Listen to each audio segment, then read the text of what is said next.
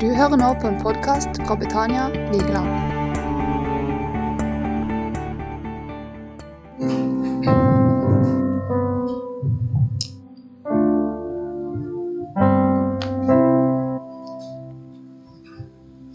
Går det an å dempe den litt?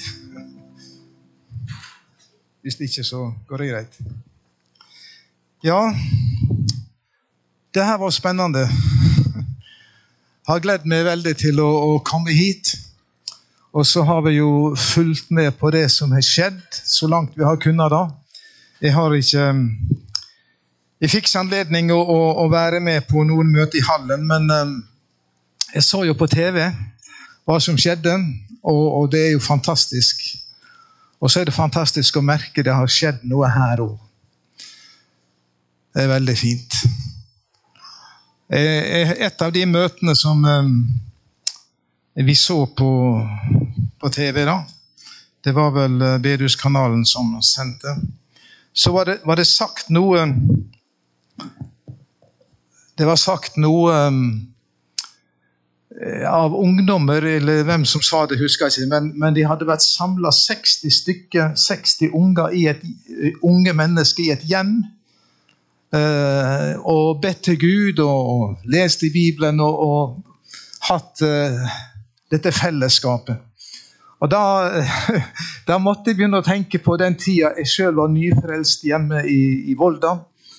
Og vi, vi samles i hjemmene våre, og vi var en hel ungdomsflokk som eh, Vi hadde ikke mobiltelefoner den gangen, det er jo 100 år siden nesten. men, eh, men vi opplevde Jesus så sterkt sammen at det var å lese Bibelen, be sammen, synge sammen. Og vi, eh, vi opplevde fantastisk. Veldig fint. Så eh, vi er med og ber om at den ilden som ble tent her på Vigeland, den skal spre seg rundt om i Norge og i Sverige og rundt omkring. For eh, som det ble sagt mange ganger her på møtene, Gud bruker hvem han vil, når han vil. Og det gjør han. Og så vil han bruke den enkelte av oss. Så har jeg bedt om hva, hva skal jeg si da, når jeg kommer hit. Og det jeg skal eh, minne dere om å si, forsøke å si litt om her i formiddag, det er fra Filippe-brevet.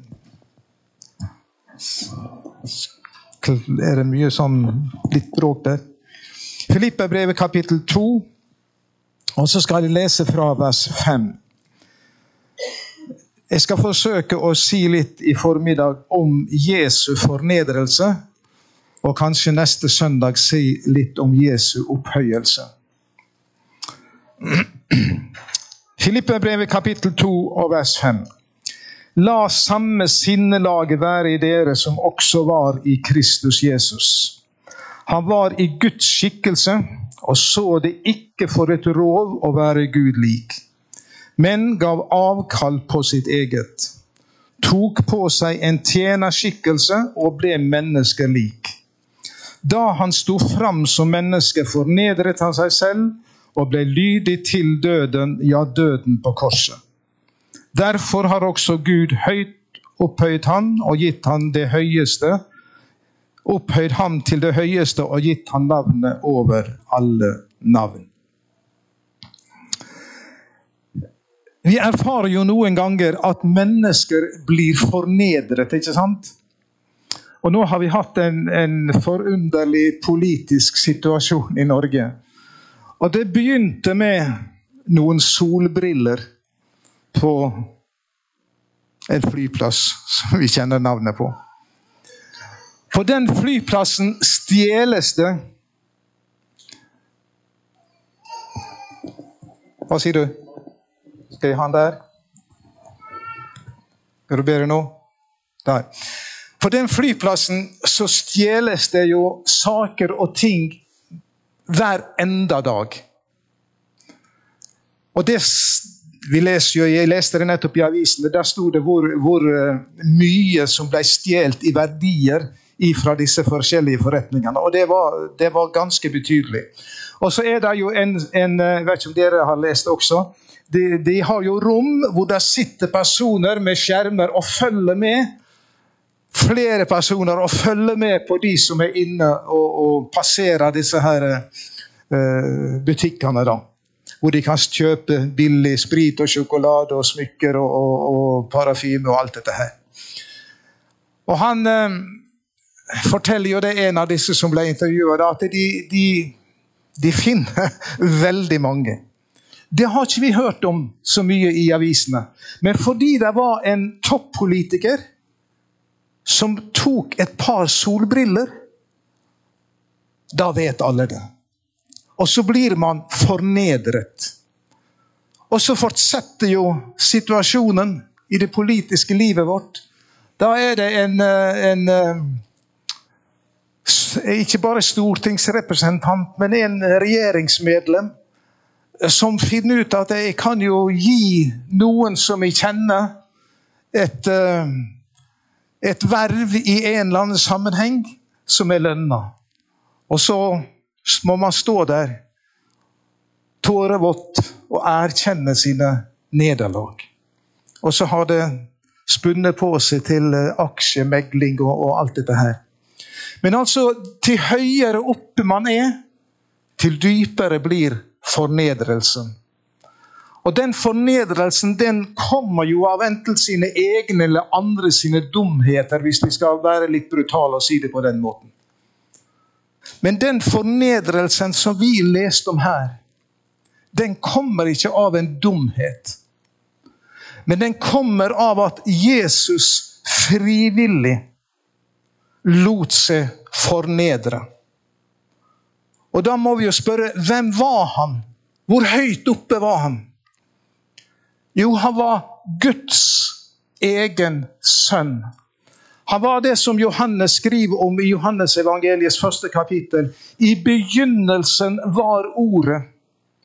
Og Ordet var hos Gud, og Ordet var Gud. Og Ordet ble kjød, ble menneske og tok bolig blant oss.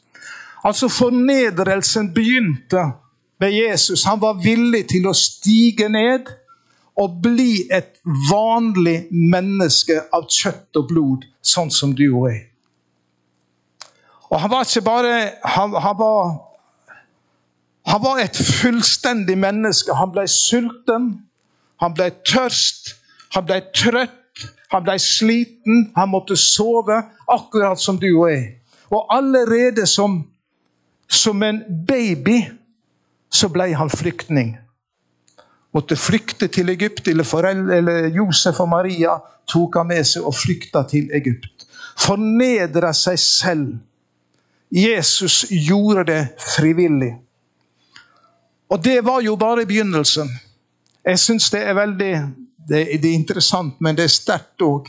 Og det, det berører våre hjerter når vi begynner å følge fornedrelsen til Jesus han gikk omkring og han gjorde vel, helbreda syke, reiste opp døde, ga mat til tusener osv. Men det kom en periode, eller det kom et tidspunkt, da han samla disiplene sine i Getsemane. Og Jesus visste hva som foresto. Den fornedrelsen han inntil da hadde opplevd, det var skal vi si, det var bare blobber i forhold til det han nå skulle gå igjennom. Så vet vi han ligger der i bønn.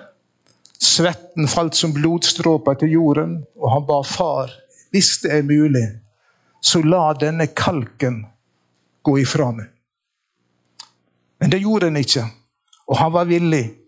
Og så begynner en dyp og sterk fornedrelse av Han som er og var Guds egen sønn. Han føres, vi vet Peter, sviket og alt det der. Han føres opp til, eh, til Herodes og til eh, de som skal forhøre han, og de som skal dømme han. Og så føres han først frem for lederne, de jødiske lederne. Og hva gjør de? Jo, soldat, soldatene som står rundt omkring, de håner han. De binder et skjerf eller noe rundt om øynene hans. Og så slår de han, og så sparker de på han, og så spytter de på han. Og så sier de nå kan du være profet. Nå kan du fortelle hvem som har gjort det.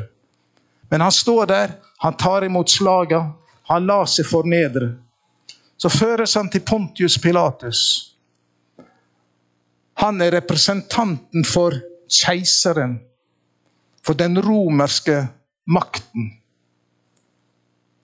Og Pilatus han finner jo ut Han er jo opplært til det. Han er jo skolert til å finne ut hvem som er skyldig, og hvem som ikke er skyldig. Så sier han jeg finner ingen skyld hos denne mannen.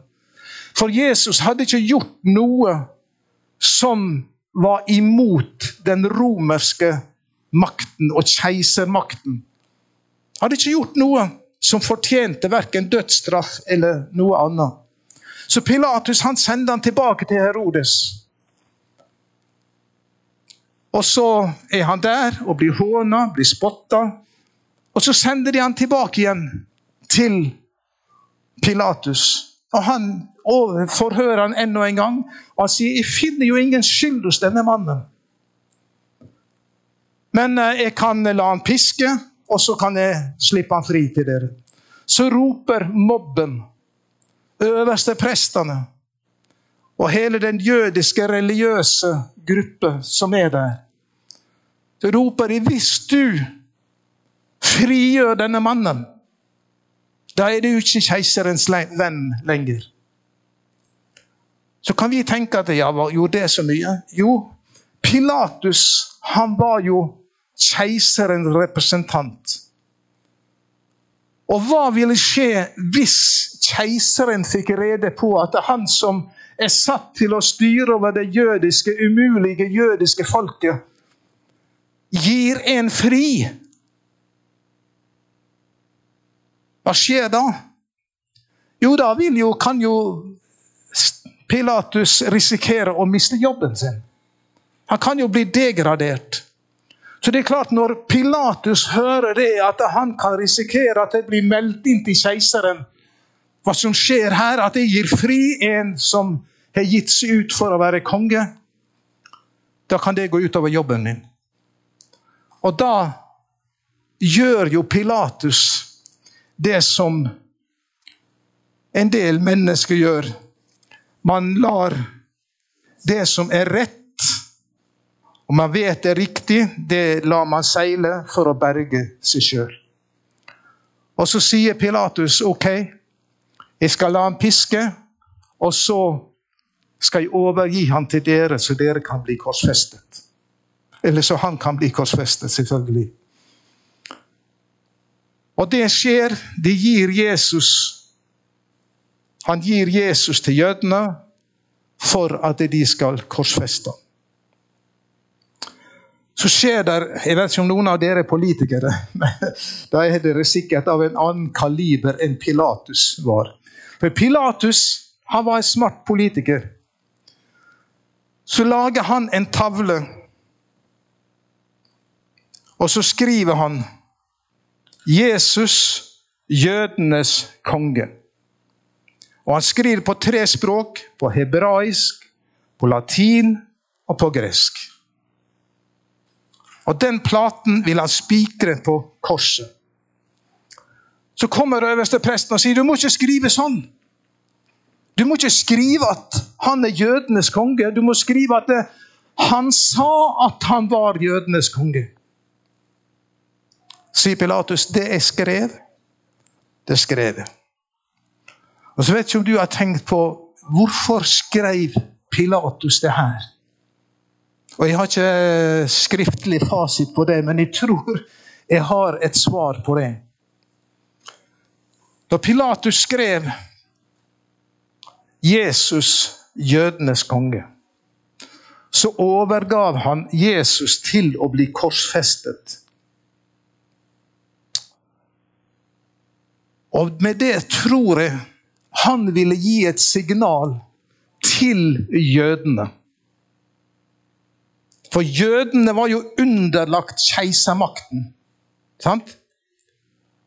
Og hvis jødene skulle finne på å innsette sin egen konge, da vil jo det være et, et eh, angrep på keisermakten.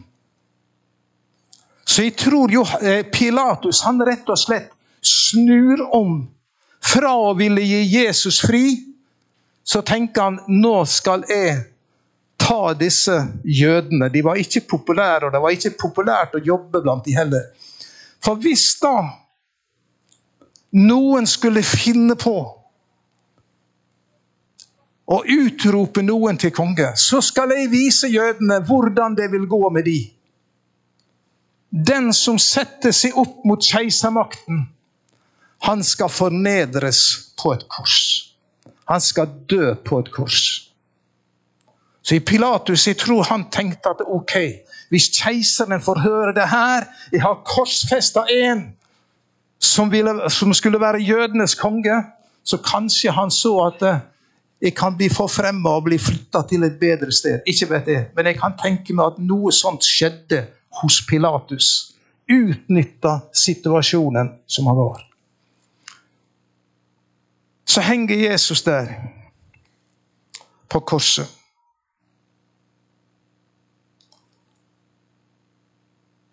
Utspent mellom himmel og jord. Allerede eh, David han har en profetisk salme. Og han eh, siterer så lang tid forhånd, på forhånd det som Jesus sier. Salme 22 er en profetisk salme over det som skjedde på korset. Det står i vers 2.: Min Gud, min Gud, hvorfor har du forlatt meg? Hvorfor er du så langt borte når jeg trenger hjelp og skriker ut min nød? Vers 17. Hunder samler seg om meg, en flokk av voldsmenn. De gjennombårer mine hender og føtter. Hvert, kne, hvert bein i kroppen kan jeg telle. De stirrer, de ser på meg. De deler klærne mine mellom seg og kaster lodd om kappen. Der henger Jesus. Kan du prøve å se det foran? Foran det. Utspent på et kors Guds egen sønn, frivillig fornedret. Jeg tror vi kanskje aller fleste har sett et maleri. Vi har jo ikke bilde av korsfestelsen, men et maleri. Og jeg har aldri sett et maleri som helt ut gjengir det som Bibelen sier. Alle malerier jeg har sett, der har Jesus et klede rundt om midjen. Bibelen forteller han henger der naken. Naken. Opp på et kors. Fornedret på den verst tenkelige måten. Klærne hans fordeler bødlene. Og så kaster de lodd, spiller de terning om kjortelen. Det siste, eller iallfall noe av det siste Jesus ser når han henger på korset Han som er Guds egen sønn. Han som ifra begynnelsen var det evige ordet. Alt er blitt til ved ham. Og uten ham er ikke noe blitt til. Han henger på et kors spikra opp av mennesker. Og det siste han ser, det er noen som kaster terninger om kjortelen hans. Kan du tenke? For en fornedrelse. For et, for et hån. Og da spør jo vi hvorfor Jesus? Hvorfor så total fornedrelse? Og vi vet svaret. Det var for mine synder. Det var for mine lovbrudd. Det var for mitt svik og for ditt. Profeten Jesaja sier han er såret for våre overtredelser. Han er knust for våre misgjerninger. Straffen lå på ham for at vi skulle ha fred. Og ved hans sår har vi fått legedom. Og Paulus skriver at han har Gud stilt synlig fram for at han ved sitt blod skulle være soningsstedet for dem som tror. Har du vært på det soningsstedet? Med dine synder? Med dine svik? Med dine nederlag? Golgata er soningsstedet. Jeg regner med at en del av dere har sett et musikk, sang- og musikkprogram fra Nashville. Sett det? Flott program. Herlig sang, ikke sant? Og de synger lovsanger, og de priser Gud, og de hopper og de danser. Og du, du blir liksom i, i, i, skikkelig godt humør av å, av å se på dem. Hvis du prøver å stille deg litt på utsida, så kan du tenke dette er de perfekte. Dette er de vellykkede. Dette er de med suksess. Pene mennesker, sminka og fine damer og, og menn og flotte musikere og alt. De er de perfekte. Det er de som har fått det til i livet. Hadde vi bare vært som de.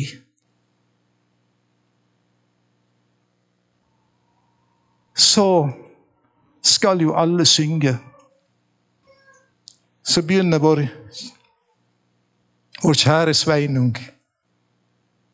Og så synger han. Det er så mye du vil glemme så mange ekko fra i går.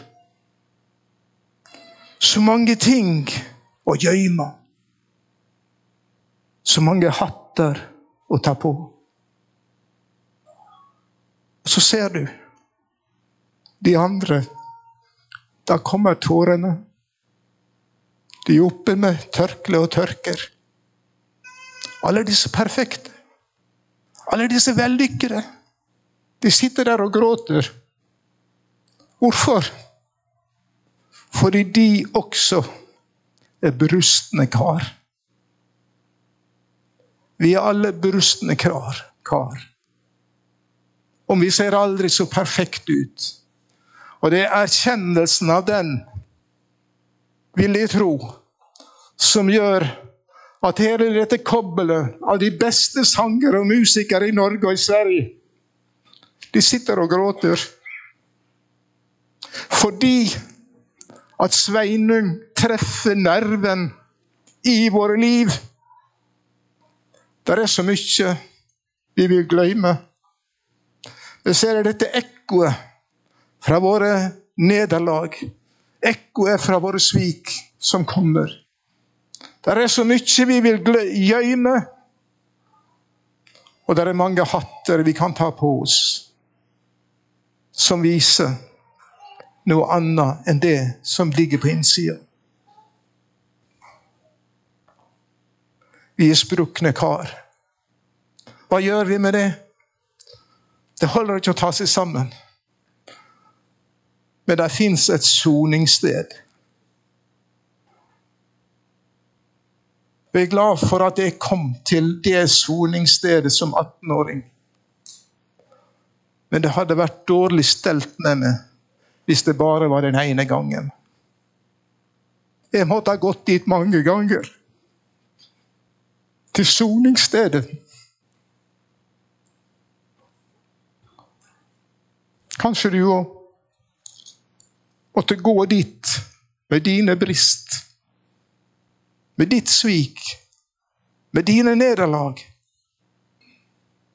Og der er et soningssted. Han er en soning for våre synder. Dog ikke bare for våre, men for hele verden.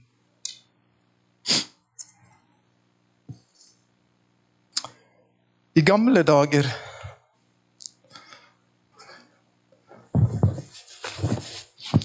Da sang vi fra skibolet, også her på Vigeland.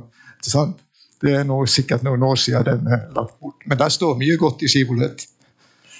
Så på sangen nummer 490 så sies det veldig sterkt Ingen angerens tåre forsoner for synd.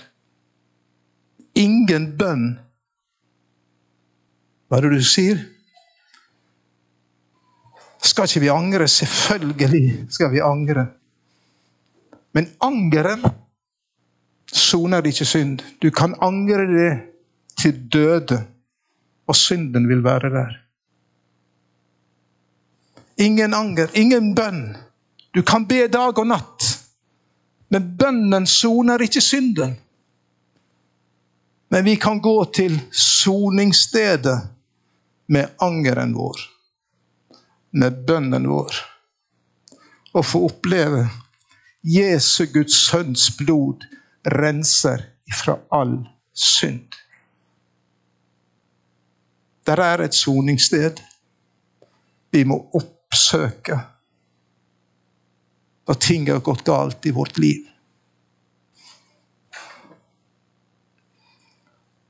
Korset, Golgata, er stedet hvor det gis tilgivelse.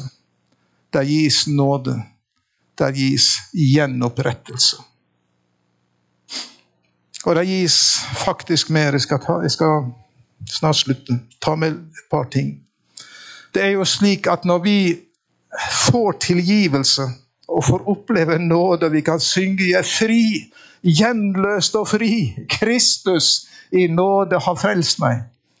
Så er frelsen Den, den favner mer enn tilgivelse. Bibelen sier det slik, Paulus skriver i Romerbrevet. Hør.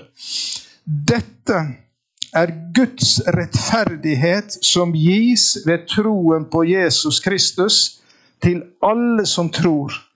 Her er det ingen forskjell. Vi blir fri vår synd, men vi blir kledd i Guds rettferdighet. Der er faktisk en eh, profeti fra profeten Jesaja som, som sier det sånn Han har kledd meg i frelsens klær. Svøpt meg i rettferdighetens kappe. Det er fantastisk. Gud har ikke bare tilgitt oss i Kristus, men vi får del ufortørt Ufortjent av Hans nåde blir de rettferdige frikjøpt i Jesus.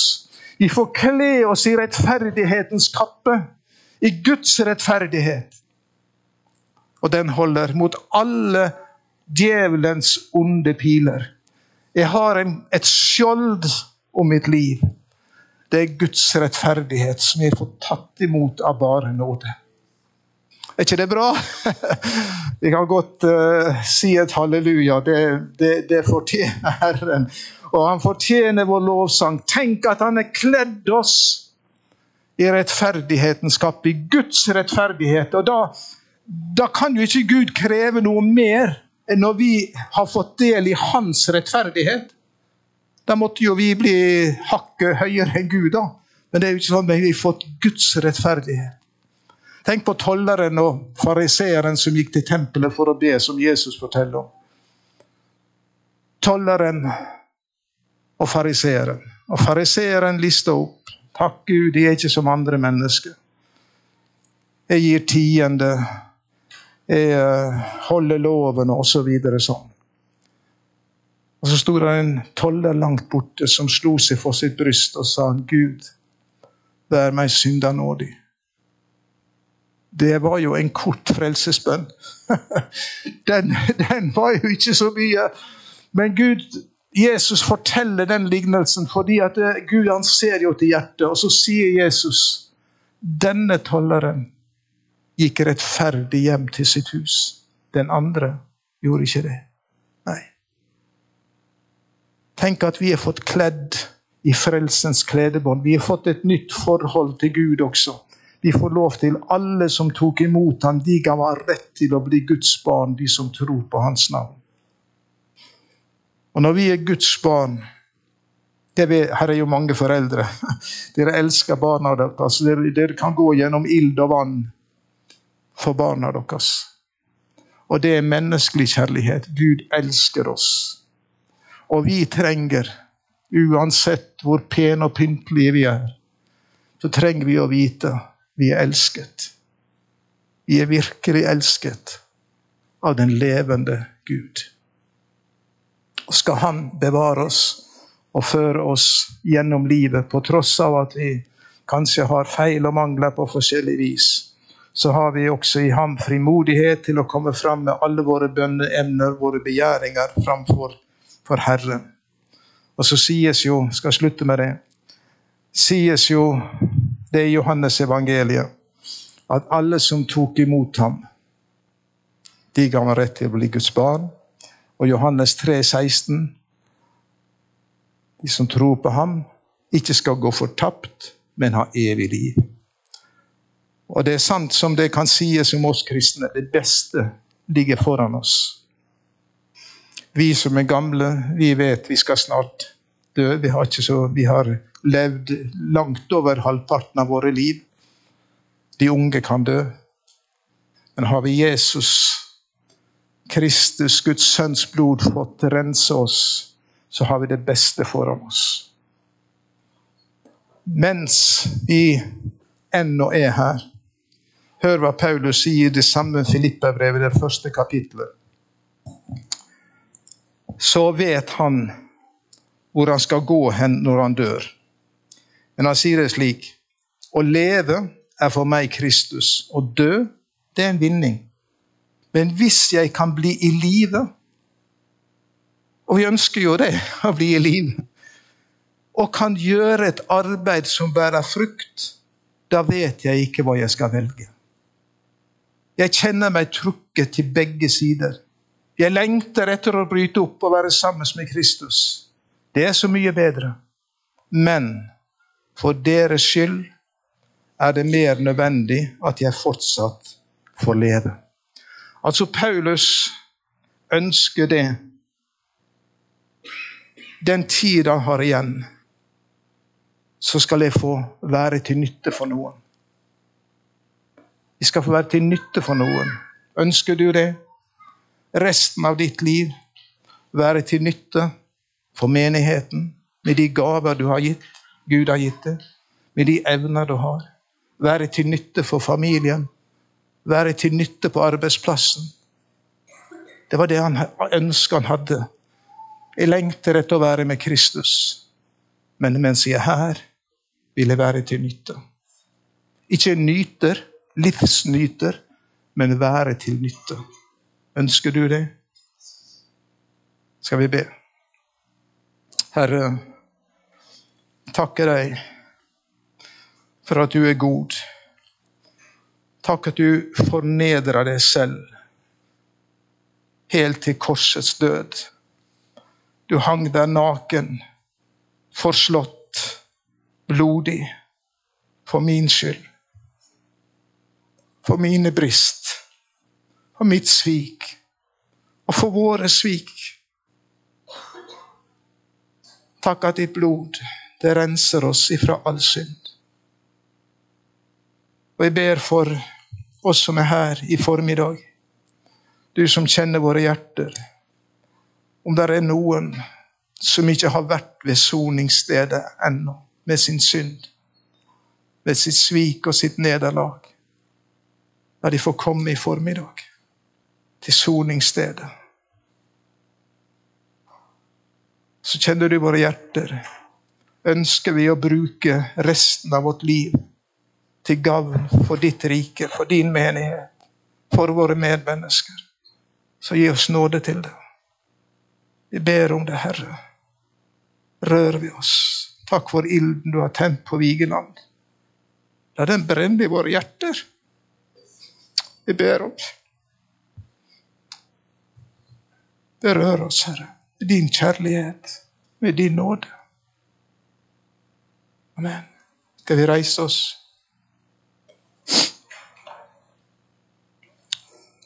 Så har de fortalt meg det har, dere har forbedra i menigheten her.